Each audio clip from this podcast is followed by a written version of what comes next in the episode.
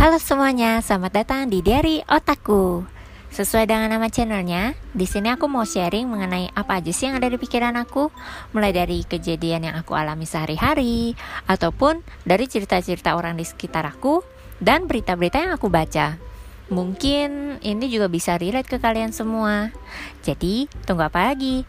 Silahkan menikmati episode-episode yang ada. Bye-bye.